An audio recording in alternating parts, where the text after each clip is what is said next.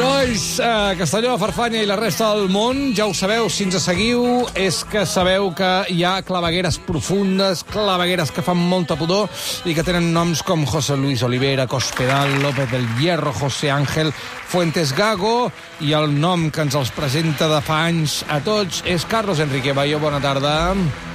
Molt bona tarda a tothom. Molt bona tarda, anem a PAMS i comencem pel primer de la llista, José Luis Olivera, perquè és notícia. Digue'ns, per què és notícia i recorda'ns qui era, Carlos Enrique.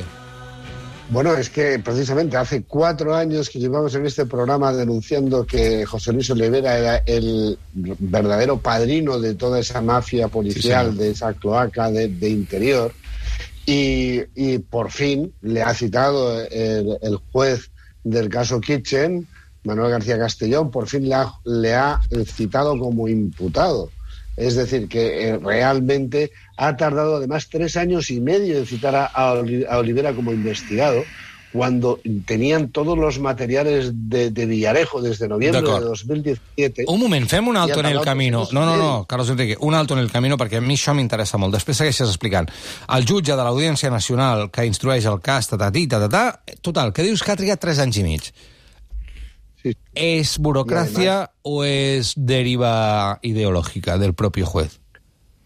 Bueno, mm, lo que no se entiende es que haya sido, digamos, haya permanecido blindado todo ese tiempo, porque realmente, eh, incluso ya hace, hace mm, eh, pues desde 2017, el inspector jefe de la, de la causa de la Gürtel, Manuel Morocho, había también desvelado cómo su jefe, que era eh, José Luis Olivera, porque estaba, era director de la UDEF, decíamos, ¿de dónde procede Ol- Olivera? Era el director de la UDEF, que era el gran aliado de, de Villarejo, era la persona en la que confiaba Villarejo precisamente para, para todo tipo de- de negocios. O sea, es que la Audiencia Nacional y la Fiscalía Anticorrupción ya investigan si la trama de Villarejo pagaba a Olivera cuando era jefe de la UDEF entre el 2006 y 2012, a cambio de impulsar, frenar o retirar investigaciones sobre los investigados que pagaran por sus servicios. Però no ho entenc, Carlos los Enrique. És que estic pensant tota l'estona amb exemples on la mateixa Audiència Nacional hagi anat molt ràpid.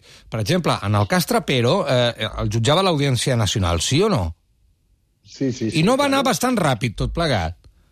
Bueno, eh, es que, desde luego, eh, eh, bueno, en, la última comparecencia que tuvo Manuel Morocho en, el Congreso de los, de los Diputados, que, que se estaba celebrando pues casi cuatro años después de la primera en la que ya denunció las trabas que sufría en su investigación sobre el caso Gürtel, la caja B del PP y todo eso, pues es que los ya, claro, como no están en el poder, en el, en el 17 sí estaban.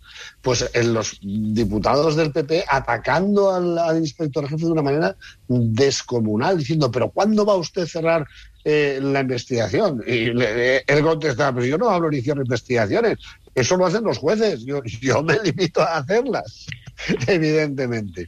Bueno, es que todo esto ha sido realmente bastante sospechoso, sobre todo porque además nosotros en público íbamos publicando una y otra vez a lo largo de los años numerosísimas pruebas, audios, grabaciones, eh, pruebas documentales y luego además es que estaban las agendas de Villarejo en las que el, el hombre más citado con el resto, con sus otros dos cómplices, grandes cómplices, eh, el García Castaño, el famoso El Gordo, y el Carlos Salamanca, el, el comisario jefe de, de- de Barajas, que se dedicaba, claro, a también controlar la frontera para todos esos negocios. Pero es que lo que estaba haciendo con el director de la Unidad de Delitos Económicos y Fiscales era realmente el chantaje a empresas para abrir o cerrar investigaciones si no le pagaban dinero a Villarejo.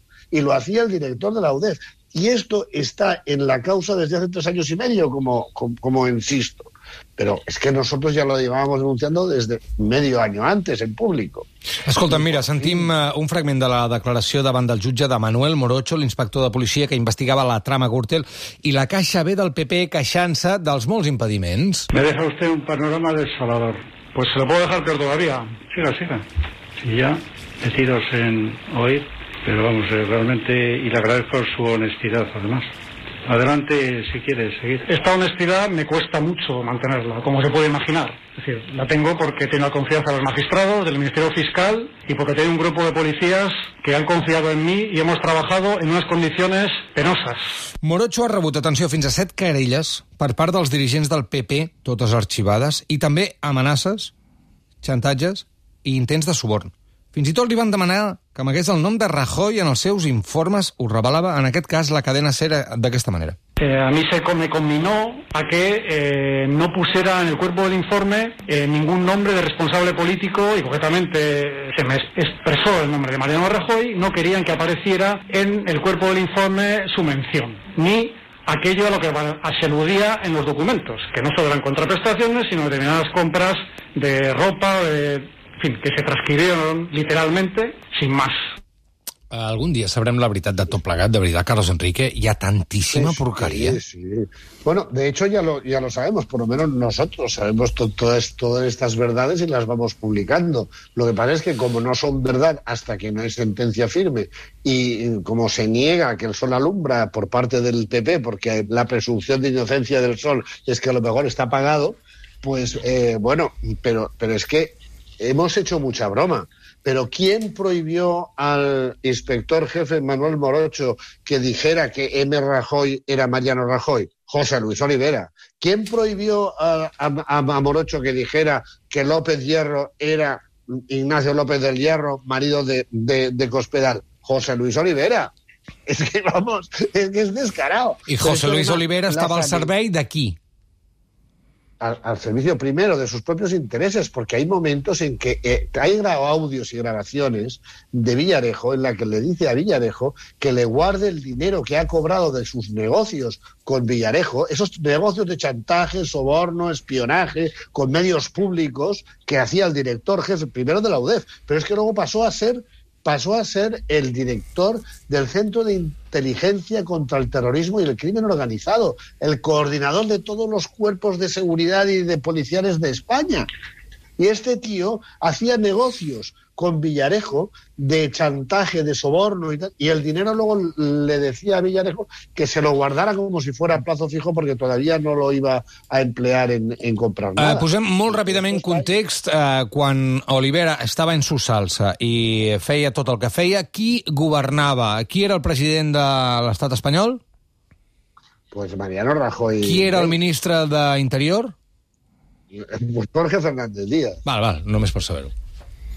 Bueno, es que evidentemente, y es que todo esto lo íbamos publicando, pero él seguía blindado, mejor dicho, fue, fue subiendo. En los primeros artículos que, que nosotros dimos es que eh, Olivera había protegido eh, a, esto los, lo hicimos a primeros de 2017, eh, había protegido a, a, a todos los altos dirigentes del, del, PP en la Comunidad de Madrid con el caso del espionaje, que acusaron injusta y falsamente a guardias civiles a los que arruinaron la, la vida los persiguieron.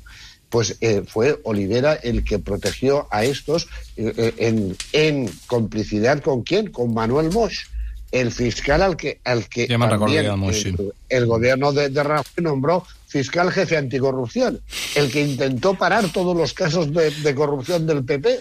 El que, que tenia, el que tenia paper, coses a los papeles de Panamá, ¿no? També? Sociedades. Al final tuvo que, Anticorrupción, tuvo eh? que, que dimitir cuando se descubrió que tenía cuentas en, en paraísos fiscales. Mare de Déu. Carlos Però, Enrique, però, avui no tenim més temps, eh, de veritat, anem molt, molt, molt justos de temps, però t'agraeixo de veritat una setmana més totes les veritats i totes les intuïcions de veritats o de hipòtesis de veritats que es faran reals, jo sé una mica el que em dic encara que no, que no ho sembli, es faran reals d'aquí poc. És que sí, ens sí. està passant des de fa cinc anys. Fa cinc anys van començar a dir coses que ara són veritat, ara s'estan dient coses que d'aquí dos anys es comprovaran clarament de tota la porqueria que hi havia i nosaltres aquí, com sempre, cinc anys aixecant clavegueres. Una abraçada, Carlos Enrique. Una abraçada molt forta a tothom. Fins ara, gràcies.